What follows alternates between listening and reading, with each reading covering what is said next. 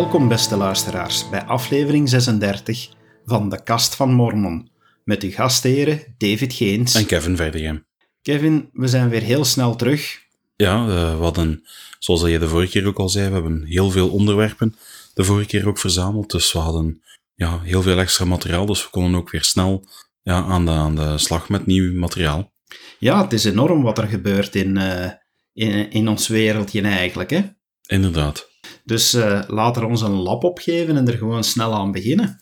Ja, um, jij hebt een aantal artikels gevonden, twee, die te maken hebben met cijfers. Jij houdt van cijfers. Hier ben ik weer, de cijfers van David.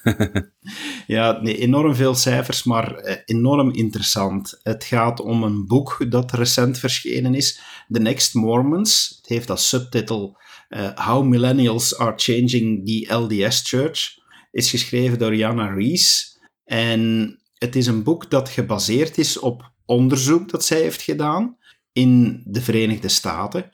Zij, heeft, uh, zij is begonnen een tweetal jaar geleden terug met een crowdfunding om geld in te zamelen om een firma te kunnen betalen om effectief gedegen statistisch onderzoek te doen. En dat is ook gebeurd. En op basis van die data is zij samen met een data-analyst aan de slag gegaan om bepaalde conclusies te kunnen gaan trekken. Nou, voor, voordat we verder gaan, um, wat is haar achtergrond? Heeft zij, is zij zelf lid van de kerk? Is zij geen lid van de kerk? Wel, um, ze schrijft heel veel over de kerk. Mm -hmm. uh, ze, ze, werkt onder andere bij uh, Religion News. Uh, schrijft ze. Ze is columnist voor verschillende regionale, of toch alleszins, nee, reg niet regionale, religieuze bladen, of ze schrijft toch meestal columns met een religieuze inslag. En ze is altijd heel nauw betrokken bij onze kerk.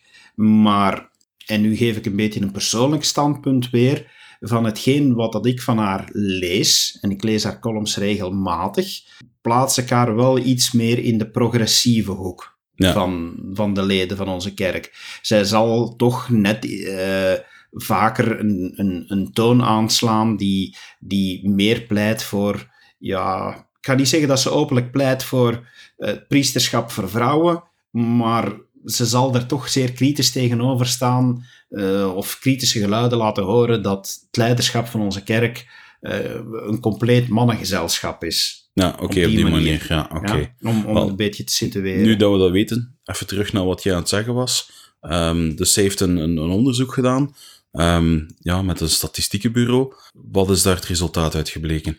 Oh, daar is, uh, daar is heel veel uitgekomen. Van, ik uh, zou aanraden wie echt de details wil weten, moet zeker dat boek eens te hand nemen. Uh, zeker de leiders uh, in onze kerk of mensen die algemeen met de religie begaan zijn, omdat het een inzicht geeft in, ja, in het gedrag van millennials. En dat nu even situeren, want ook daar, zelfs in de marketingwereld, situeren er verschillende definities. Er zijn mensen die denken dat millennials dat dat uh, degenen zijn die geboren zijn omstreeks het jaar 2000. Maar dat klopt niet helemaal. Millennials zijn degenen die dat uh, ja, omstreeks millenniumwissel actief geworden zijn, dus jong volwassen waren. Ja. Dus we praten hier over mensen die tweede helft jaren 80, begin jaren 90 geboren zijn. Nou, ik heb ja. ook al definities gehoord waar ik er dan onder zou vallen. Uh, mensen vanaf 283. Ja, ja, ja, eigenlijk wel. Persoonlijk voel ik me niet echt millennium, maar...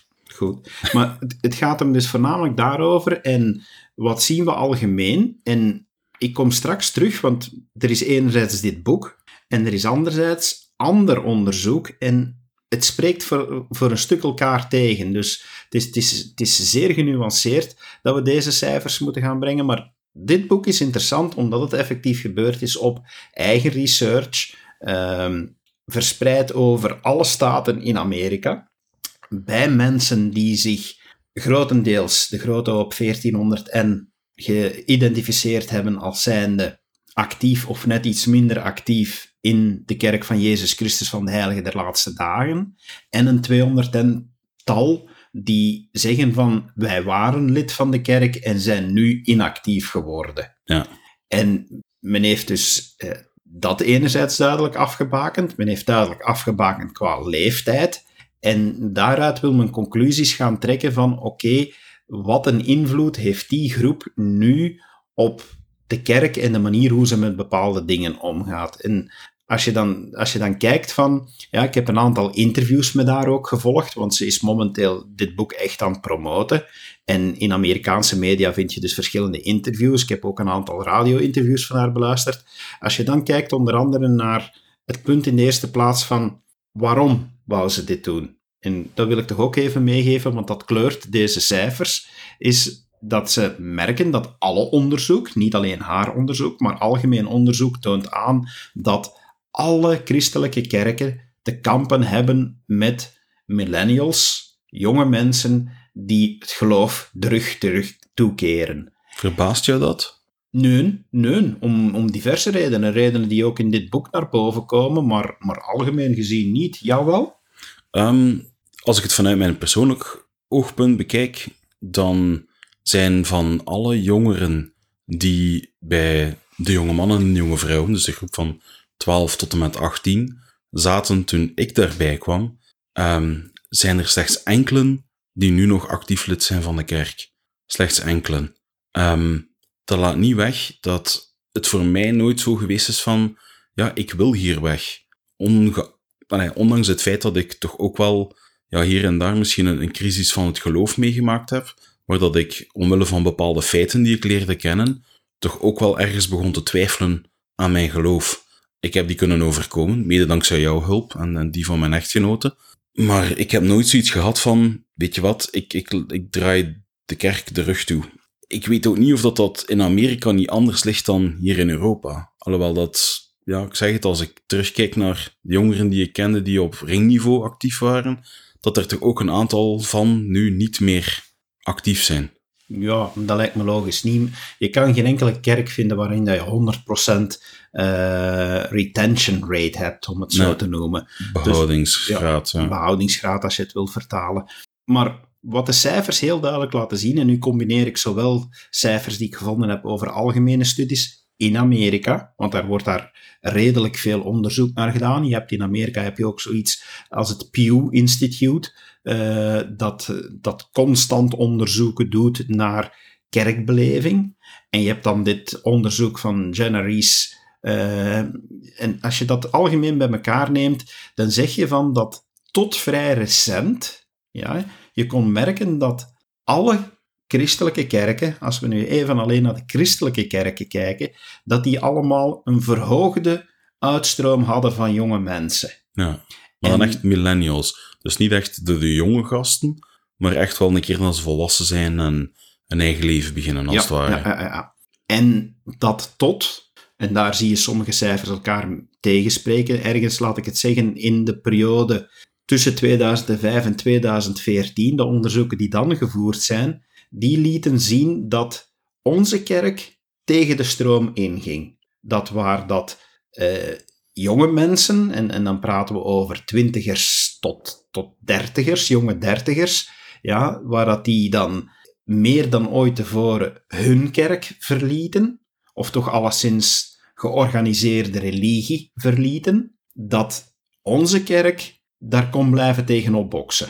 In de cijfers dan bedoel je? Ja, in de cijfers. Dat wij wel meer jongeren konden behouden. Dat wij op een ja, behoudingsgraad zaten van, ik, algemeen, ik rond het nu af, even af, maar rond de drie kwart. Ja.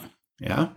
En de cijfers en, en, en die dat nu uit dit boek blijken, uit de Next Mormons, die zegt nu van dat het op zeer korte tijd, op vier jaar tijd eigenlijk, in onze kerk even erg geworden is als in de andere kerken. En Niet erger, maar even erg. Ja, en geeft ze daar redenen voor? Wel, daar gaat dan eigenlijk heel het boek bijna over. Van, dus hè, dan, daar zegt men nu van, oké, nu valt het terug naar 50%.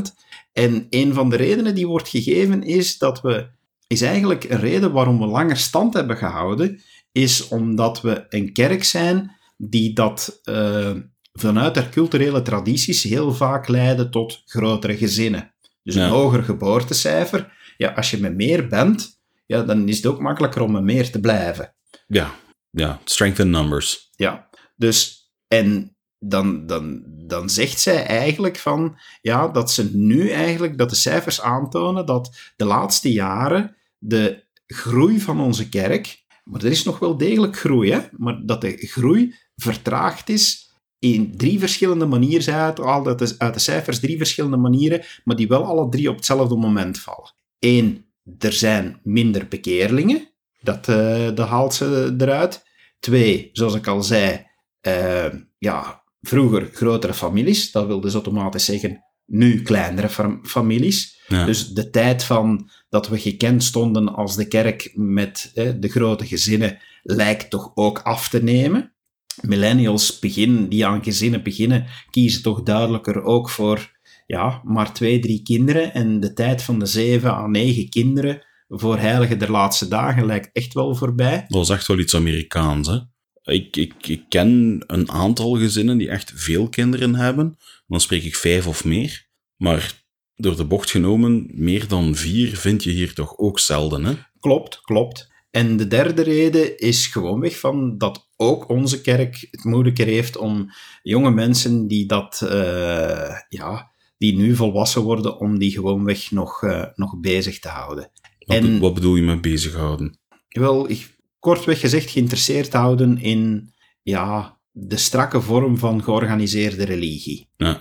En de voornaamste reden die dat daar uh, wordt ingegeven vanuit, vanuit de data van, van Ries, um, en, en die, daar vind ik dus geen bevestiging van in andere onderzoeken, omdat die niet recent genoeg zijn, ja, is dat uh, millennial, ex-mormonen, zal ik ze dan nu maar eens voor één keer zo noemen, om voor hen die term wel te gebruiken, ja, dat die heel vaak toch een zwaar probleem hebben met de theologische standpunten over ja, uh, same-sex marriage en, en onze houding tegen homo's en, en lesbiennes en... Uh, LBGTQ en de rest van het alfabet. Ja, om, om dat eigenlijk te zeggen van, ja, één en twee, raar maar waar, wordt er toch nog altijd aangevoerd dat er verschillende zijn die dat een probleem hebben met het ontdekken van bepaalde aspecten uit de geschiedenis van onze kerk, die nu algemeen bekend zijn door het internet, dankzij het internet, maar die dat voor hen vroeger onbekend waren. En dat laatste verbaast me eigenlijk wel, want ik kan me eigenlijk niet inbeelden dat er nu nog mensen zijn die dan 20, 30 jaar zijn, die op die leeftijd eigenlijk pas ontdekken dat wij inderdaad een geschiedenis hebben met polygamie en, en, en andere, dat wij zaken, een, een verleden hebben waar spijtig genoeg dingen in zitten waar we het ook al over gehad hebben, zoals de, het, het uh, ja, niet toelaten dat uh, mensen van Afrikaanse afkomst priesterschap kregen. Dus ja, dat, dat blijft toch een probleem voor sommige mensen. Wel, ik kan dat kaderen, denk ik.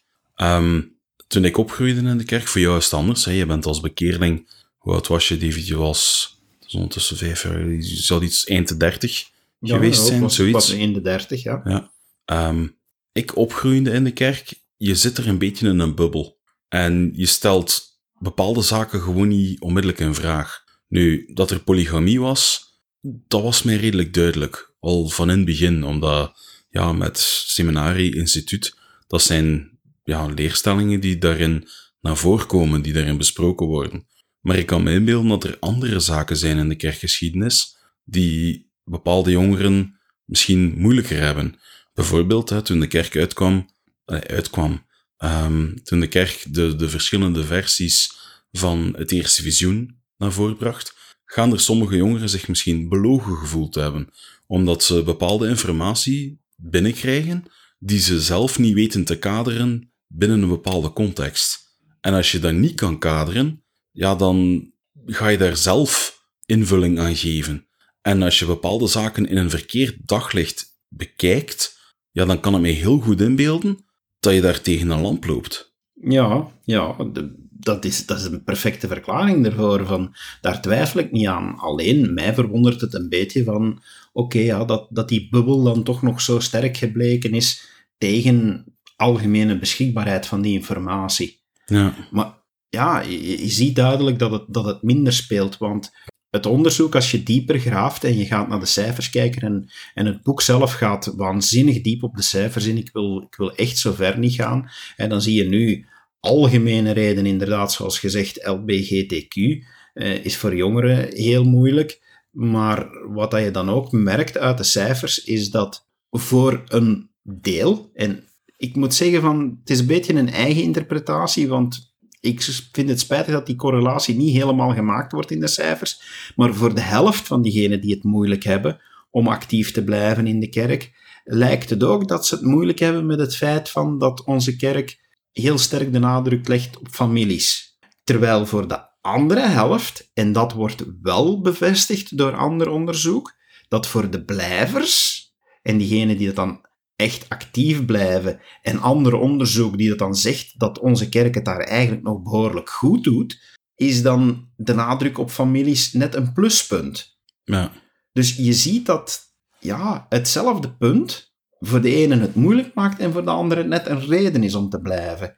En dat diegenen die blijven, die het dan effectief ook zeggen van kijk, de sterke familiegerichtheid van de kerk, dat dat daar echt wel heel centraal staat. Want dat, dat, dat verder onderzoek ook aantoont dat binnen die gezinnen de voorliefde om religieus actief te blijven, om dat ook effectief deel te laten uitmaken van een zeer actief lidmaatschap, want onze kerk vereist dat eigenlijk wel. Ja, via roepingen en zo, ja. Ja, van, van, ja is dat dat net dan, dan een pluspunt wordt, dat het een sterkhouder wordt, van, eh, dat, je, dat je daar ziet van dat waar de gezinnen echt heel sterk staan en samen hun religie beleven, dat het daar ook echt van generatie op generatie wordt doorgegeven en dat die jongeren net degene zijn die, in tegenstelling tot andere christelijke kerken, veel meer actief blijven. Ja.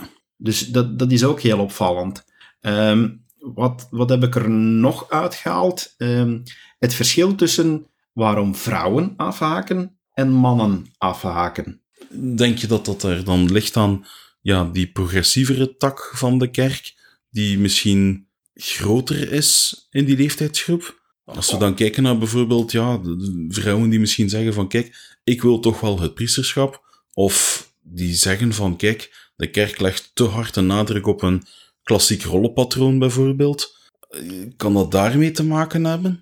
Ik ga eens heel even overlopen, de top drie, want ze staan er tot enorm ver in gerangschikt in het boek, maar de top drie. Voor, ik, ga ze één per één vergelijken. Ja?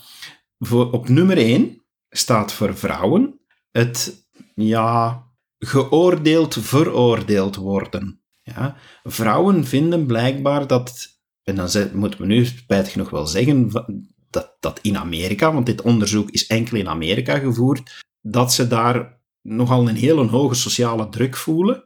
En als men niet beantwoordt aan het typische beeld van een heilige der laatste dagen, dat men nogal snel ja, in een hoekje wordt gedrumd, een etiket wordt opgeplakt, dat men veroordeeld wordt en dat dat en dan heel snel doet afhaken. Dat staat voor vrouwen op nummer 1. Dat kan ik ergens inkomen. Ik kan dat echt begrijpen, want ja, ik zelf probeer ten alle tijde zo min mogelijk te oordelen over hoe anderen hun leven leiden en welke beslissingen ze daarin maken. Zeker in de kerk. Het valt me op dat het, dat het mij binnen de kerk makkelijker is om mensen niet te oordelen dan wanneer ik op zondag niet um, in de, als ik niet op zondag in de kerk zit, maar door de week en ik zie op straat iemand, kan ik daar heel snel een, een, een, een vlug oordeel over vellen. Terwijl wanneer iemand zijn situatie mij bekend wordt, dat ik daar minder snel zal oordelen. Waarom? Ik, ik, ik veroordeel niet. Omdat ik ook zoiets heb van, ja, ik, ik weet niet wat daar allemaal juist aan de hand is, wat de achtergrond is. Christus weet dat wel. En uiteindelijk is het oordeel aan hem. Maar ik kan me inbeelden dat in het misschien ja, meer, hoe moet ik dat gaan zeggen, um, in de culturele samenhang die je in, in druk bevolkte gebieden, en dan bedoel ik druk met leden van de kerk, dat er inderdaad misschien ja, meer culturele zaken, die niet, zoals wij het al eerder ook aangehaald hebben, zo'n beetje um, tradities die als evangelie aanschouwd worden, die het eigenlijk totaal niet zijn.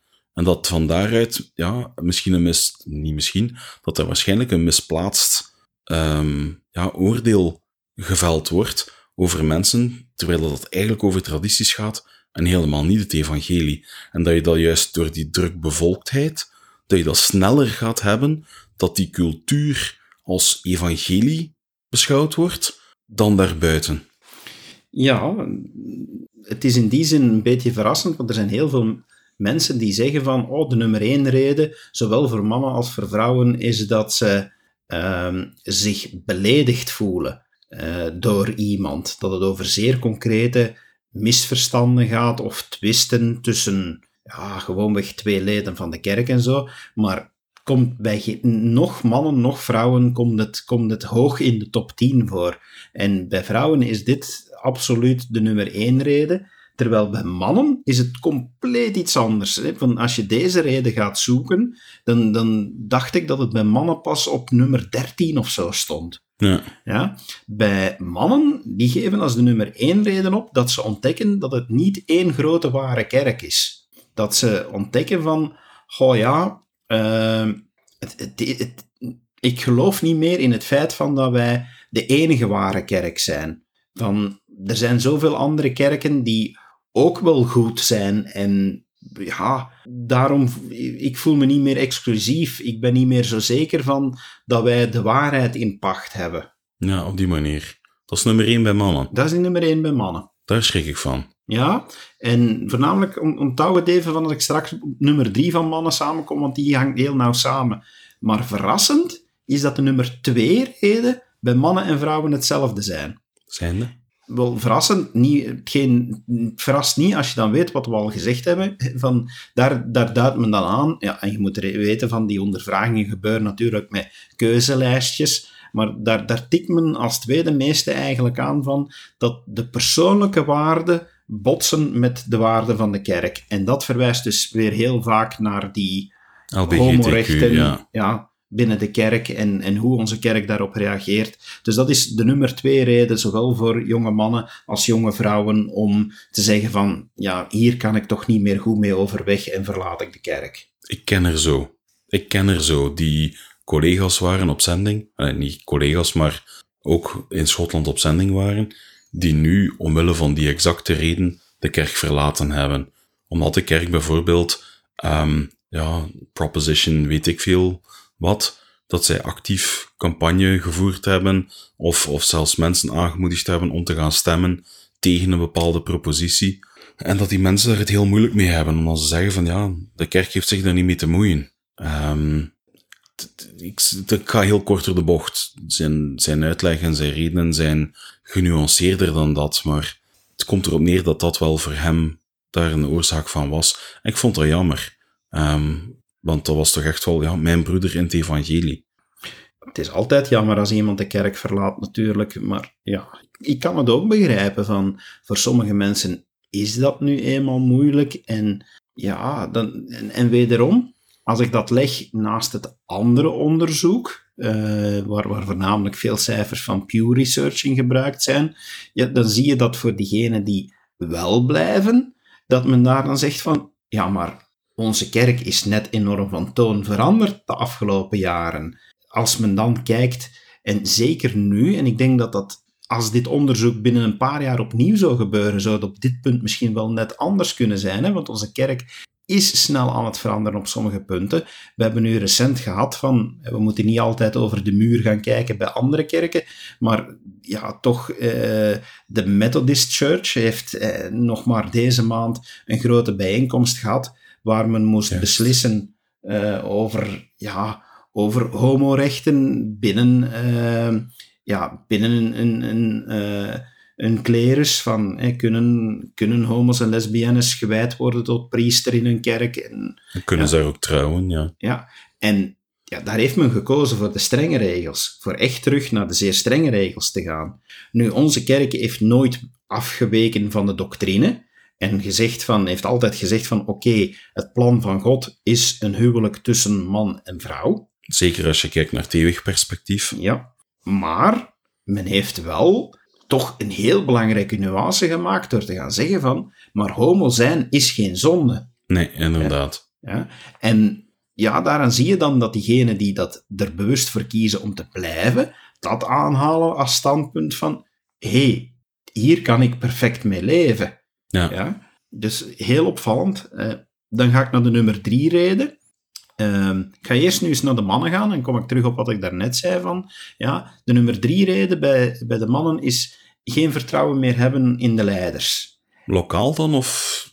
Nee, de algemene leiding. Ja. En als men daar dieper gaat over doorvragen, dan blijkt dat weer te maken te hebben met wat we daar straks al aanhaalden van men, is, men raakt het vertrouwen in de leiders kwijt door het ontdekken van bepaalde aspecten in de geschiedenis die dat ja, vroeger werden achtergehouden of toch nooit groot in het daglicht geplaatst. Uh, dus uh, Ja. daar, zie je dat, dat daar uh, bij mannen dat op nummer drie staat van sorry, ik, ik ben het vertrouwen in onze leiders kwijt. Mhm. En zijn dan vaak mannen die, die ook aangeven van ik ben niet zozeer mijn geloof kwijt, maar ik verlaat wel de kerk van Jezus Christus van de heilige der laatste dagen, omdat ik geen vertrouwen meer heb in de mensen die aan het hoofd staan. Ja, daar zou ik als, als tegenpunt aangeven, en dat is misschien persoonlijk, ik vind het moeilijk om te geloven dat dat gebeurt zonder dat je ook tegelijkertijd zegt van kijk, mijn getuigenis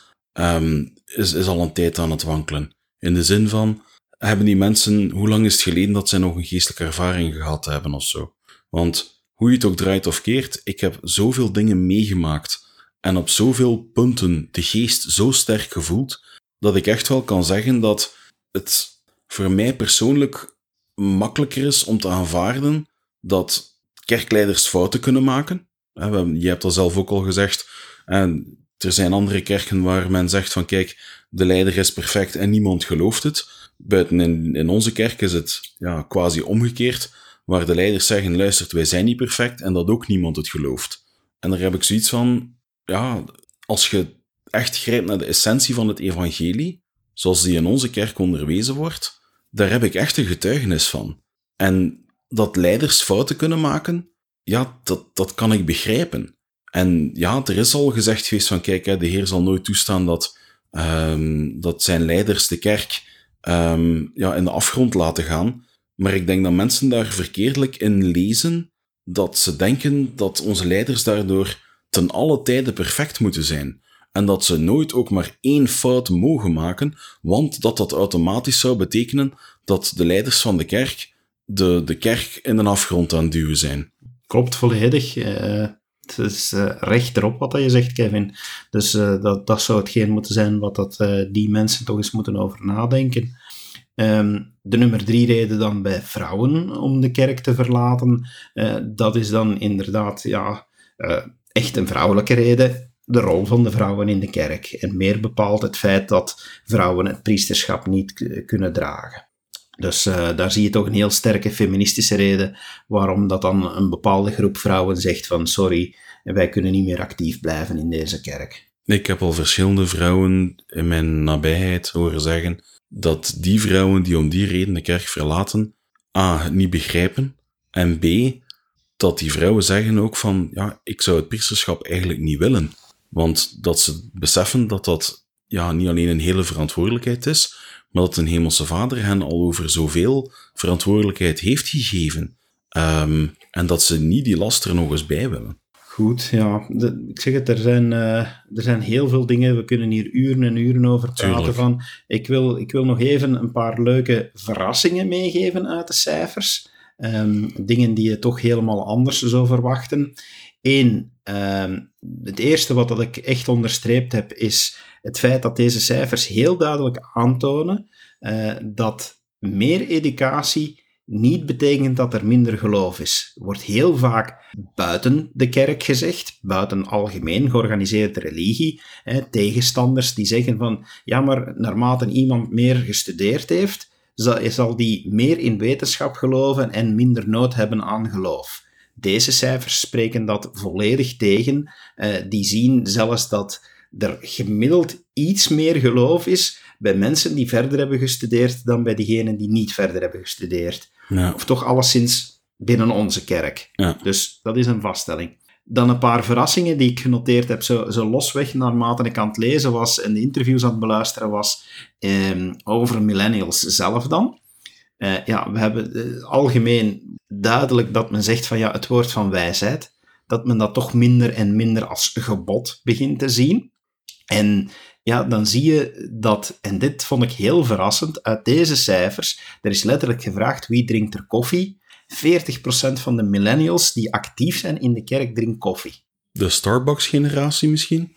Letterlijk, dat is exact de, wat dat ik hier ook genoteerd heb in de kantlijn. En, en, het wordt ook in een interview ergens gebruikt. Ja, letterlijk. Dus het is, hip, dus, hip om naar Starbucks te gaan. Hè? Ja, en dat je dan discussies ziet van, ja, maar in het woord van wijsheid staat dat het hete dranken zijn, dus iced coffee zal daar zeker dan niet bij horen. En ja, komt er gewoonweg op neer, 40% geeft inmiddels schrift toe van de jongeren van, ja, wij drinken koffie. En daar zit zelfs een behoorlijk percentage in die dat dan toch uh, houder is van, een, uh, van een, een, bewijs tot toegang tot de tempel. Ja. Die, dat, die dat dus van zichzelf niet vindt dat ze daarmee het woord van wijsheid overtreden door koffie te drinken.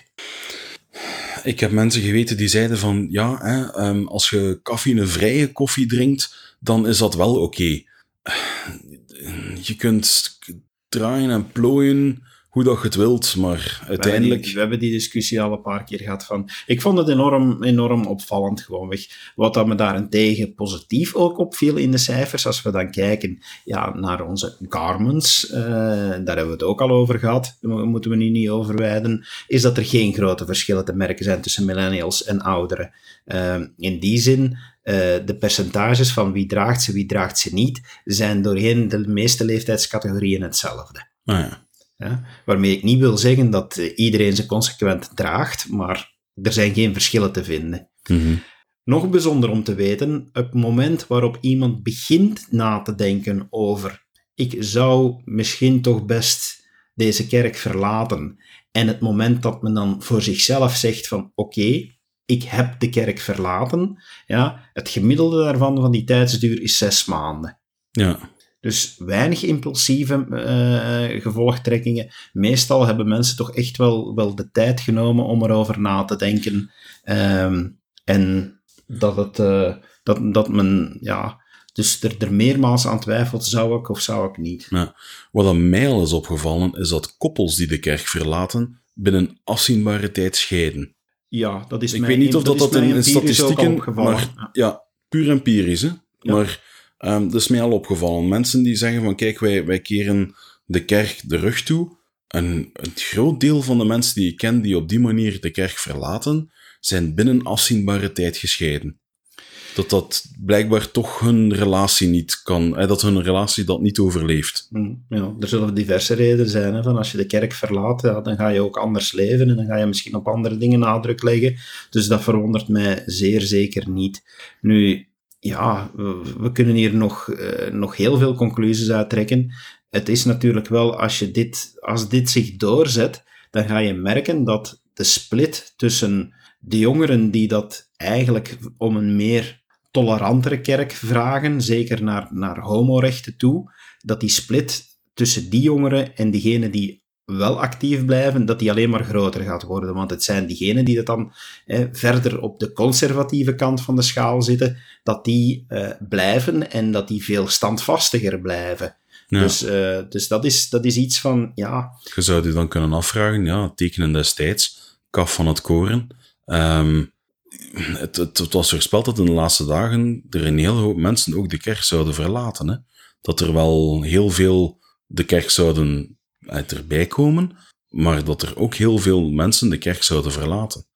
Ja, ja, en de toekomst zal dan moeten uitwijzen van gaat de groep verlaters zo groot worden dat onze leiders gaan bijsturen op sommige dingen, of gaat men inderdaad zeggen van ja, nee, goed, we blijven met minder over, maar met die mindere groep vormen we een hechtere groep. Um, wat dat ik mij ook enorm hard afvraag als, als laatste bedenking die ik over dit onderwerp wil meegeven, is van, ja, dit onderzoek is een puur Amerikaans onderzoek. Um, ik heb heel even contact gehad met de, met de auteur, met Jenna Rees, en ik heb haar eens gevraagd van, ja, vind je het niet spijtig dat je dit eigenlijk niet globaal hebt kunnen doen? Nu, ze zegt ook van ja, daar ontbraken de middelen mij voor. Maar, en dan zegt ze puur op eigen ervaringen gebaseerd, puur empirisch op de mensen die zij spreekt, denkt ze dat de situatie buiten de Verenigde Staten enigszins anders is. Dat men zegt van dat buiten de Verenigde Staten men conservatiever is dan de grote groep binnen de Verenigde Staten. En ze baseert zich daar vooral namelijk op wat er gebeurt bij andere christelijke kerken, vooral protestantse kerken, en maar ook de katholieke kerk, waar dat zij zegt van kijk daar maar van, hè, over het algemeen, als er dan zulke stemmingen gebeuren over zulke onderwerpen, dan gaan de conservatieve standpunten het halen, omdat de Afrikaanse landen, bijvoorbeeld, de Zuid-Amerikaanse landen, allemaal wel op het zeer conservatieve standpunt blijven staan. Ja. Dus ja, dan zit je natuurlijk met de vraag van ja, hoe zou typisch Europa reageren? Ja, wij staan hier als cultuur nog veel verder dan de Amerikanen toleranter tegenover uh, homorechten. Maar misschien dat net binnen de kerk dan net meer de conservatieve elementen te vinden zijn. Dus ja. Wie zal het zeggen? Ja, het zou interessant onderzoek kunnen zijn. Maar goed, uh, vond het toch wel de moeite waard om, om hier eens uitgebreid over te hebben. Dankjewel. Um, dan is er een, een, een ander artikel die gaat over um, Jozef Smit en hoe hij was als auteur. Ja, eigenlijk ook weer enorm veel met cijfertjes. Oh, ik, ik vond het zalig om te lezen. Het, het, het, ik heb bepaalde stukken echt moeten skimmen, in de zin van, hè, hier ga ik even vlot over, want het, het ontbrak mij aan tijd om het allemaal uitgebreid te lezen.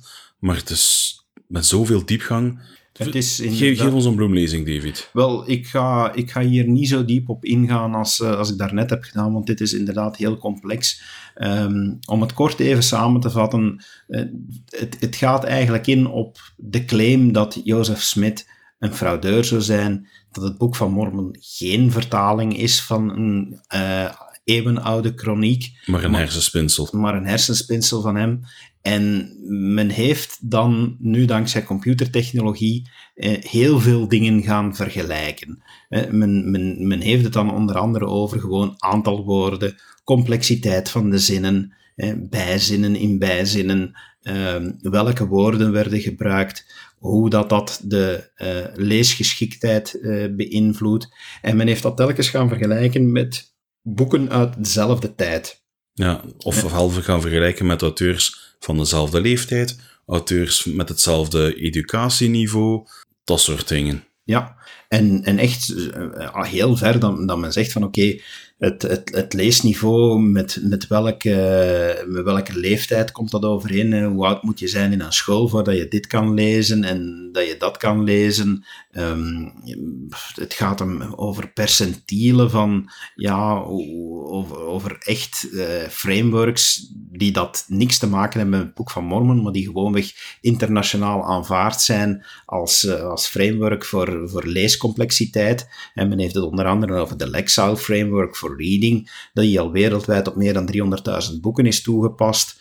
Um, men is ook gaan vergelijken van hoe zijn de tijdslijnen samengevat, um, hoe zijn de verhalen geschreven, hoe verandert de taal doorheen de tijdslijn, um, vergelijking met andere jonge schrijvers. Kortom, ik ga het, uh, ik ga het artikel zeker uh, in de show notes linken.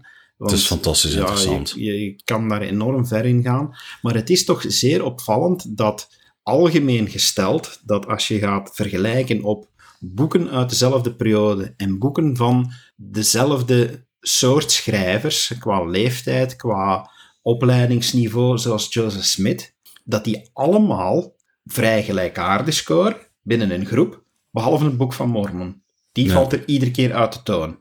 Dus iedere keer van dat als je zegt van ja, als we, als we het punt gaan vergelijken van gemiddeld hoeveel, hoeveel woorden worden er in een zin gebruikt, dan zie je al die jonge schrijvers uit die tijd op ongeveer dezelfde percentiel gaan zitten. En het Boek van Mormon valt daar dan weer volledig uit. Dus ja, ik ga niet zeggen dat dit een, een, een sluitend bewijs is van ja, dat het Boek van Mormon niet verzonnen is. Uh, en dat het, effect, dat het echt, zoals wij geloven, een vertaling is. Maar ja, het, geeft toch wel, wel heel wat stof tot nadenken. En het is zeer, zeer diepgaand onderzoek. Um, de moeite waard voor, voor wie in literatuur is om, om er eens mee aan de slag te gaan. Absoluut. Kevin, ik heb een vraag voor jou. Geloof jij dat er ooit dinosaurussen hebben rondgelopen op deze wereld? Ja, ja. Jij gelooft daar zonder meer in. Ja, de, het is, ja, ze halen toch dingen bovenuit de grond die moeilijk op een andere manier te verklaren vallen dan dat die beesten effectief ooit rondgelopen hebben. Nu, er zijn heel wat mensen in onze kerk, maar ook algemeen in, eh, in alle christelijke kerken, die, die natuurlijk altijd een probleem hebben met de, ehm, ja, de, de wetten zoals Darwin die beschreven heeft en de evolutietheorie en het creationisme, om dat Ja. daar zo tegenover te stellen. En die gaan zeggen van, ja, die een probleem hebben met dinosaurussen. Ik ken mensen in onze kerk die ook zeggen van, ja, dinosaurussen hebben hier niet rondgelopen. En het feit dat we die beenderen vinden, ja, dat is... Ik heb al horen zeggen dat sommigen denken van dat dat door Satan gebeurd is om ons te misleiden. Anderen proberen dan met een semi-wetenschappelijke verklaring dat onze aarde samengesteld is uit materie van andere planeten waar die dinosaurussen wel waren en dus dat er bijgevolg fossielen in zitten. Ja. Maar heel interessant van is dat we eens gaan kijken zijn van oké, wat zegt onze kerk hier nu over? Ja, zeggen onze kerk van gel- geloven wij in dinosaurussen of niet? Ik zou het eerlijk gezegd niet weten. Wel, eh, de kerk is daar eigenlijk heel duidelijk eh, in geweest. Ja, en die zegt eh, gewoonweg heel simpel, algemeen, dat wat wetenschap bewezen heeft, gaan we niet bestrijden. Ja, Ja, dus die wil geen, geen clash tussen religie en wetenschap. En die zegt van, ja, wij zijn ook zo wetenschappelijk onderlegd dat wij zeggen van, ja, wat bewezen is, is bewezen. Punt uit. ja het, het heeft geen zin om te proberen ja, de wetenschappelijke feiten te doen passen binnen ons geloof. Nee, en meer nog, dat hij zegt van, het spreekt elkaar ook niet tegen. Ja? In 2016 hebben de leiders van onze kerk heel duidelijk hier eh, een, een uitspraak over gedaan, want blijkbaar was dat toen in de States toch wel, wel een hot topic aan het worden. Ja? En die verklaring die zegt heel duidelijk van, de details van, eh, over wat er gebeurd is op onze planeet eh, voor Adam en Eva zijn eigenlijk geen grote bezorgdheid van ons wat doctrine betreft. Wat voor ons van belang is, is dat het allemaal deel is van Hemelse Vaders plan eh, voor ons. Het is belangrijk om te weten dat God de aarde gecreëerd heeft en dat hij Adam en Eva tot stand heeft gebracht, die heel duidelijk onze voorouders waren en die dat heel belangrijk waren om eh, de val eh, in, teweeg te brengen. En dat we op die manier allemaal geboren zijn kunnen worden en kunnen deel uitmaken van Gods plan. Maar hoe dat dat eh, gedaan is en hoe lang dat dat geduurd heeft, ja, doctrine spreekt zich daar niet over uit. Nee, want we, sommige mensen denken echt van, ja, een dag is duizend jaar. Ehm, we spreken over scheppingstijdperken. En die werden dag 1, dag 2 enzovoort tot en met dag 7. Ik denk dat we te beperkt zijn als we denken van, nee, God heeft dat op een letterlijke aarddag gedaan, of heeft dat, hè, één dag staat gelijk aan duizend jaar of zo. Dat staat nergens in de schriften geschreven. Dat wordt ook nergens in de kerk geleerd. Klopt. En meer nog, ehm, en ik verwonder me eigenlijk dat ik daar zelf al een paar keer heb over gelezen. Boek van Mormon, het boek van Alma, hoofdstuk 40, vers 8. Ja, voor wie het wil opzoeken. Eh, Waarom verwondert mij dat ik erover gelezen heb, als ik het zo dadelijk eh, ga voorlezen, is omdat het een van mijn stokpaardjes is. Ja, in verschillende verklaringen en, en zaken waar wij al over gediscussieerd hebben als vrienden, Kevin, is net het feit dat ik zeg van, ja, maar je moet je eens op het filosofisch niveau plaatsen dat God leeft in een omgeving waar tijd niet bestaat. Iets wat voor ons met ons beperkt verstand en ons huidig perspectief quasi onmogelijk is om ons in te beelden. Ja, maar toch, als je dat doet, als je jezelf eens echt tot die intellectuele oefening dwingt, ja, dan, ga je, dan heb je heel makkelijke verklaringen voor moeilijke vragen, zoals, ja, maar ja, God weet alles, hoe kunnen wij dan keuzevrijheid hebben? Ja, als er geen tijd bestaat, dan is het perfect mogelijk dat wij vrij kiezen, maar ja, het feit dat we nu kiezen en dan het weten, alleen al in die zin, ik moet het stukje dan gebruiken, is een tijdsaspect. Maar als er dus geen tijd is, valt dat allemaal op hetzelfde ogenblik. En dan weet God altijd alles op hetzelfde ogenblik, omdat er maar één ogenblik is voor hem. En dan is dat niet contradictorisch aan ons tijdsgevoel. En Alma 40.8 zegt heel duidelijk, bij God is alles als één dag en tijd wordt alleen maar gemeten door mensen. Ja. Het staat letterlijk in onze schriften in. Ja, dus die, die zes dagen waren zeker niet letterlijk 144 uur voor onze hemelse vader. Want tijd speelt voor hem niet. Inderdaad. En ja, dan, dan, dan moet je ook gaan toegeven van, oké jongens, als dat geen zes dagen waren, dan is dat perfect mogelijk dat onze aarde, ja, sommigen zeggen dan van, ja, ze zou maar 6000 jaar oud mogen zijn. Nee, die kan, die kan zoveel miljoenen jaren oud zijn en ja, dan komen we tot, tot mijn stokpaardje, hè, van wetenschap legt uit van, van hoe iets gebeurt en religie legt uit waarom, waarom? iets gebeurt. Nu, waarom dat er ooit dinosaurussen rondgelopen hebben, dat wordt dan in de schriften weer niet uitgelegd. Nee, maar... Dat hoeft ook niet. We, we hoeven dat niet te weten voor ons heil. Voilà, omdat dat niks met doctrine te maken heeft. Ja. Ja, we moeten dat inderdaad niet weten. En als we dan gaan, gaan kijken van, ja, zijn daar ooit revelaties over gebeurd? want dat was dan mijn volgende vraag. Ja, nee, geen een van onze leiders heeft ooit letterlijk gezegd van, ah, ik heb openbaring gekregen over die vraag.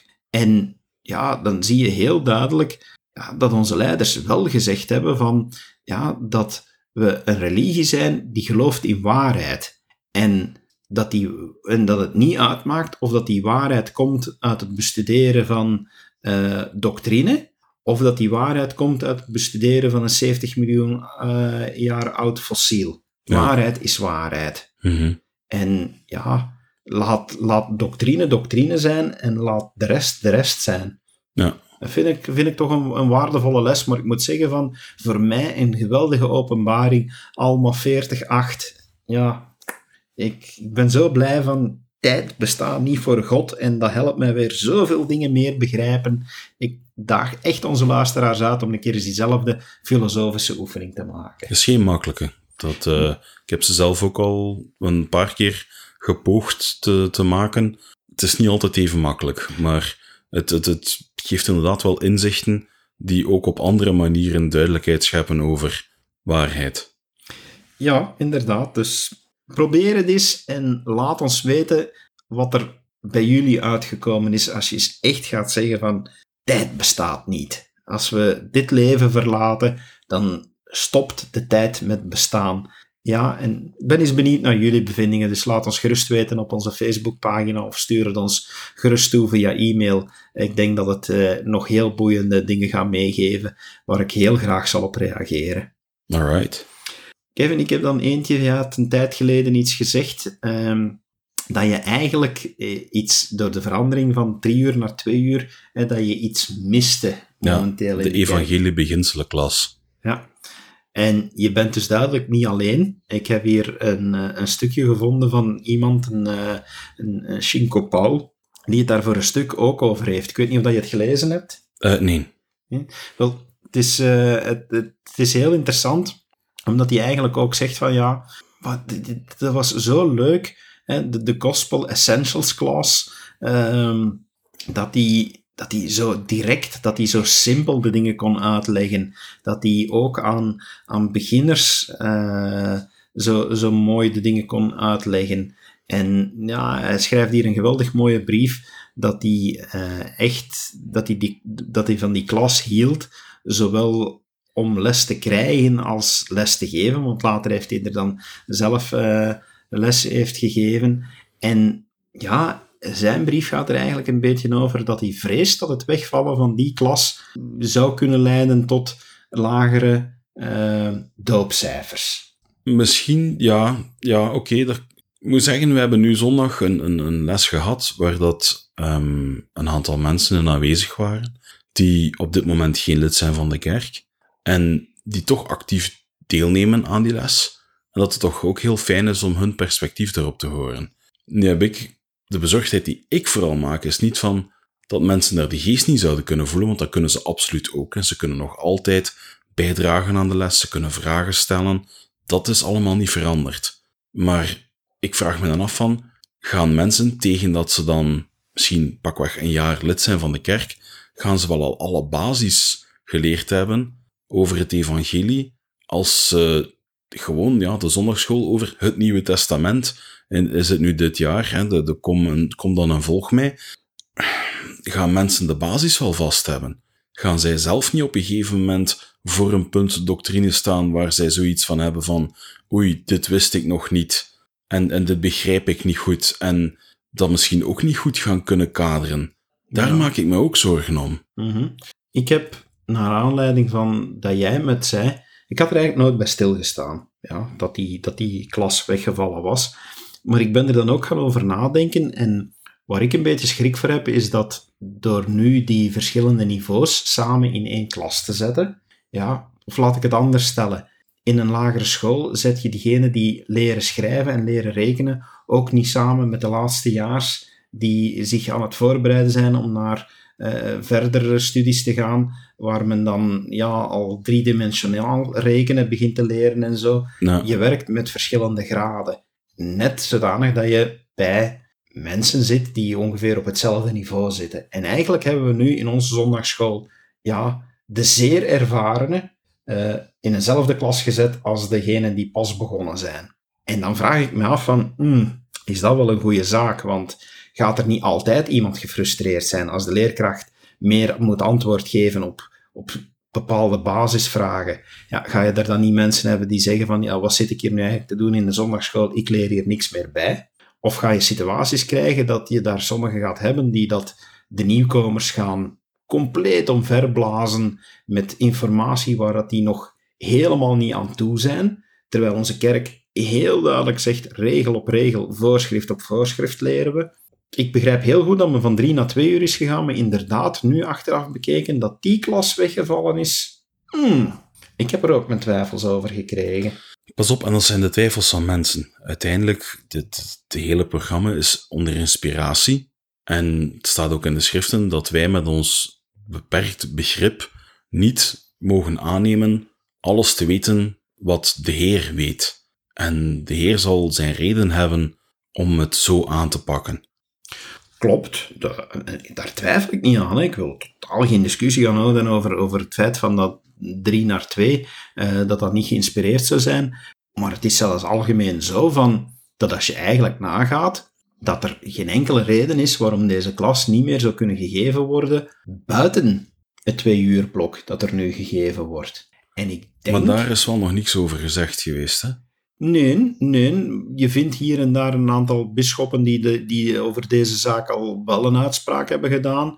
En ik denk dat het niet verkeerd zou zijn dat de vraag is zo gesteld worden op ringniveau en eventueel terug doorgespeeld naar Salt Lake City. Met de vraag van, kijk, kan die beginnersklas georganiseerd worden, maar dan eventueel buiten die twee uur blok, want die is nu heel duidelijk gestructureerd. Ja, daar, daar is eigenlijk geen ruimte meer in om veel af te wijken. Maar... Je zou er terug een derde uur aanlappen. Ik zeg ook niet dat het op zondag moet, hè. Je kan een beginnersklas perfect ook eens op een avond in de week doen. Hè? Je, zou dat, ja, eh, je kan daar een roeping van maken die dat, als er dan ja, in, in grotere wijken, ja, daar heb je bijna constant onderzoekers. Dan ga je dat op een meer gestructureerde manier kunnen doen. In kleinere wijken zou je kunnen zeggen van dat dat misschien iets is wat dat meer dan zou moeten gedaan worden automatisch door de, de wijkzendingsleider, die dat dan weet van welke uh, personen onderzoeker zijn en nood hebben aan zulk extra onderricht samen met de zendelingen. Ja. ja. Is, het, is het ook niet meer een taak voor de bedieners? Dat je zou zeggen van, kijk, we hebben een nieuw lid. Het is de bedoeling dat die, nou, opgevolgd worden is een verkeerde woordkeuze, hè? maar dat zij um, de begeleiding krijgen die zij nodig hebben als, als nieuw lid. En dat zij daar dan misschien ja, die lessen kunnen delen. Ja, allemaal mogelijkheden van. Ik, uh, en ik wil me niet uh, gaan, uh, gaan in de plaats stellen van onze leiders. Ik, ik draag daar de sleutels niet toe, jij ook niet. Maar ja, er wordt altijd in onze kerk gezegd dat er niks fout is met vragen stellen. En ik denk dat we toch eens wel laat op de vraag mogen stellen van, hé, is dit nu geen consequentie die betekent dat er andere beslissingen moeten genomen worden en dat we meer indachtig moeten, laat ik het zo stellen. Ik vind dat we wel de plicht hebben om nu automatisch meer aandacht te hebben voor diegenen die onze kerk ontdekken en dat, ze dus, dat daar een nood zou zijn, of dat wij als, als ervaren leden dan zeker nog meer de plicht hebben om de zendelingen te ondersteunen, om de nieuwkomers beter te onderwijzen en ze zeker niet te laten verdrinken in die zondagsklasse. Want als ik even terugdenk aan hoe ik zeven jaar geleden was, en ik was dan iemand die al heel veel gelezen had, um, want ik zat in die, ik zat in die, die, die beginnersklas en dan had ik zoiets van, ja, ja, ik heb dat al gelezen. Maar eerlijk gezegd, om dan toch zomaar in die uh, zondagschool gegooid worden, waar daar mensen zitten die al 20, 30 jaar uh, de schriften lezen en zo. Wow, ik kan me inbeelden dat dat voor sommige mensen zou betekenen van, uh -uh, hier blijf ik niet, ik, uh, ik kan dit niet aan. Of, of ik kan mij nooit aan die standaard meten. Voilà, dus ik, ik denk wel enerzijds mogen we de vraag stellen van oké, okay, moet hier niet terug ingegrepen worden, maar zeker een oproep naar, naar al onze luisteraars van hebben jullie daar al eens bij stilgestaan dat het voor nieuwkomers misschien nu net iets moeilijker wordt omdat die beginnersklas niet meer bestaat? Ja. En dat vind ik toch, ja, uh, ik had er niet bij stilgestaan. Het was door jouw vraag en dat ik eh, mijn ogen heb opengehouden, dat ik, eh, dat ik uh, deze blogpost ben tegengekomen en dat ik dat dan een aantal dingen heeft doen nadenken waarvan ik dacht van, ja, we moeten hier meer indachtig aan zijn. Goed punt. Dankjewel. We komen stilaan aan het einde van uh, onze episode 36. Nu nog, nog snel een uitnodiging meegeven. Onze president Nelson, die wordt uh, in september wordt die 95 en hij geeft een feestje. Dat mag, hè. Ja. ja. En het leuke is, iedereen is uitgenodigd op dat feestje. Dat gaan dure vliegtickets worden. Goed, vanuit hier wel gezien, maar iedereen is uitgenodigd. Uh, op 6 september om uh, 7 uur, local time, is er een bijeenkomst in het conference center in Salt Lake City, waar uh, zal gezongen worden en waar uh, muziek uh, zal naar voren gebracht worden, maar er zullen ook verhalen zijn over het leven en ja, de dienstbaarheid van, van president Nelson. Die mens is nog niet dood, hè? Nee. nee maar... het, het, klinkt als een bloemlezing van zijn leven.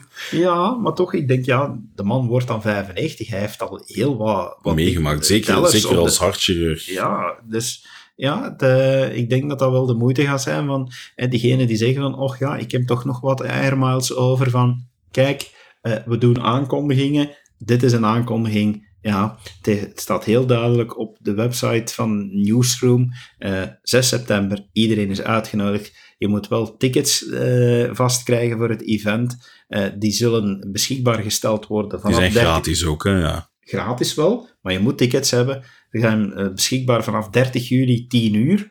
Uh, en het is gelimiteerd tot twee tickets per persoon. Ja. ja. En is het potluck? Om het echt heel kerkelijk te maken, is de bedoeling dat iedereen zo'n een koude schotel meebrengt of zo. Dat zou het wel zijn, stel u voor. Ja, wie weet. Goed, we zijn nu toch bezig met de aankondigingen. Uh, we zullen dat nog even verder doen. Op 30 en 31 maart is het ringconferentie voor de Ring Antwerpen.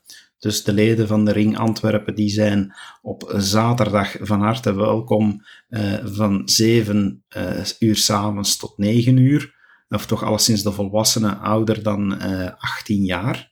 En op zondag 31 maart is het dan voor alle leden en bezoekers van 10 tot 12 en gaat allemaal door in het kerkgebouw in Brussel in Grimbergen. Allen daarheen. Allen daarheen. Dan eentje nog even een herhaling. We hebben deze al gehad, uh, maar dit komt nu wel dichterbij.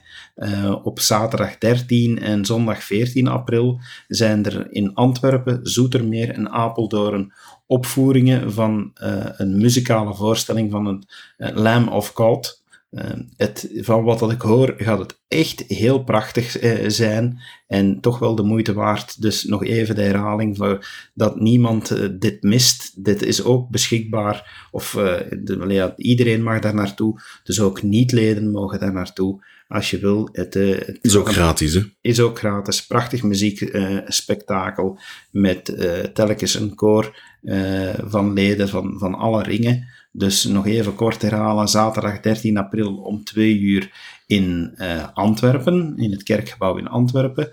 Diezelfde zaterdag 13 april dan om 19.30 uur in het kerkgebouw in Zoetermeer.